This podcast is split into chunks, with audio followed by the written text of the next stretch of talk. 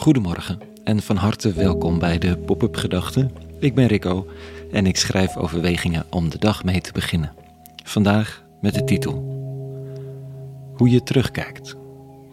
Pop-up Gedachten donderdag 29 juni 2023.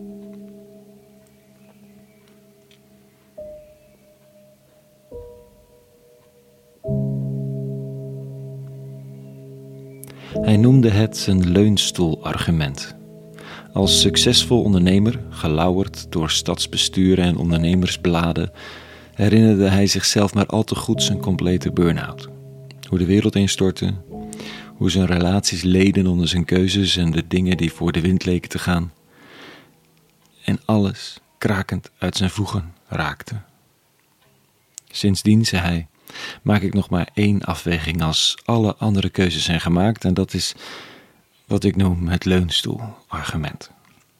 Ik stel mezelf voor over tientallen jaren waarin ik oud en bejaard en stram in een leunstoel zit en mijn imaginaire kleinkinderen naast me staan en vraag me dan af of ik trots en dankbaar naar deze keuze kan kijken.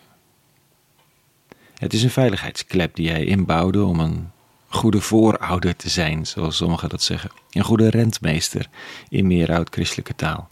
En zichzelf te behoeden om zichzelf, de wereld en de mensen om zich heen kapot te lopen.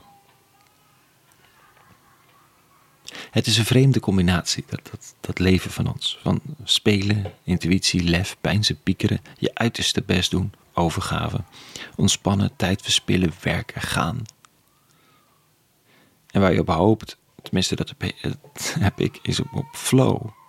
Dat je weet wat je doet en dat het stroomt met de mensen om je heen, met de mogelijkheden en de relevantie, met de liefde en de verantwoordelijkheid.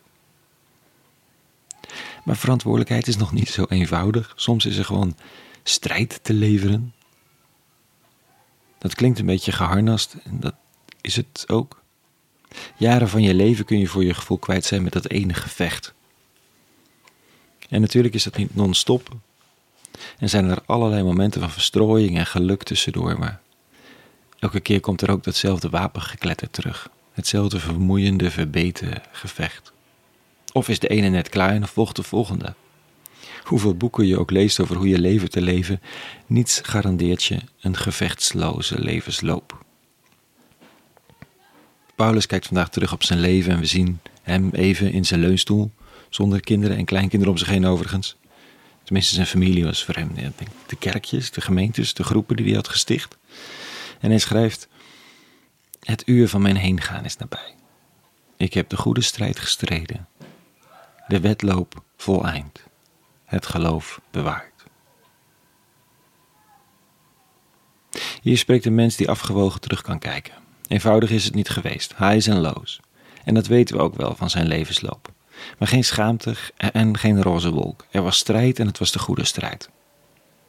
Je kunt met heel veel de strijd aangaan in het leven. De strijd met jezelf en hoe je nu eenmaal bent, wat een pittige strijd is om te winnen. De strijd met je geschiedenis, waar je hoopt dat je op een gegeven moment de witte vlag kunt hijsen en vrede kunt sluiten. De strijd met afleiding om je heen. De strijd met je trots en je ego en je geldingsdrang. En dat die zich terugtrekken en je simpelweg kunt doen wat jou te doen staat in de wereld. In dienst van een hoger doel. Onderdeel van de beweging van het goede, van God. Hij noemt het een wedloop, onze Paulus. Wat best vermoeiend klinkt over een leven. Maar misschien hield Paulus wel van hardlopen. Dan valt het weer een beetje mee. En hij heeft het geloof bewaard, zegt hij. Hij is niet cynisch geworden, hoop gehouden. Tegen alle ellende in, tegen alles wat beide handen afbreekt. Wat beconcurreerd en belegerd wordt, tegen de achterbaksheid en vijandigheid en de beroerde goede bedoelingen die zoveel schade kunnen aanrichten. Hij heeft veel gezien en het geloof behouden. Het geloof dat het niet van hem afhangt dat de wereld gedragen wordt. Dat de weg van kwetsbaarheid en zwakheid de weg van Christus en de weg van de toekomst is. Hij gelooft het nog steeds hier aan het einde van zijn leven. Hij kijkt dankbaar om zich heen vanuit zijn leunstoel. De spieren zijn wat moe, de handen trillen, de oogleden zijn zwaar, maar er is dankbaarheid. Dat vooruit projecteren op de keuzes die ik dagelijks maak, in de hoop mijn geloof, het geloven te behouden. Het helpt soms. In de momenten dat de keuzes niet eenvoudig zijn.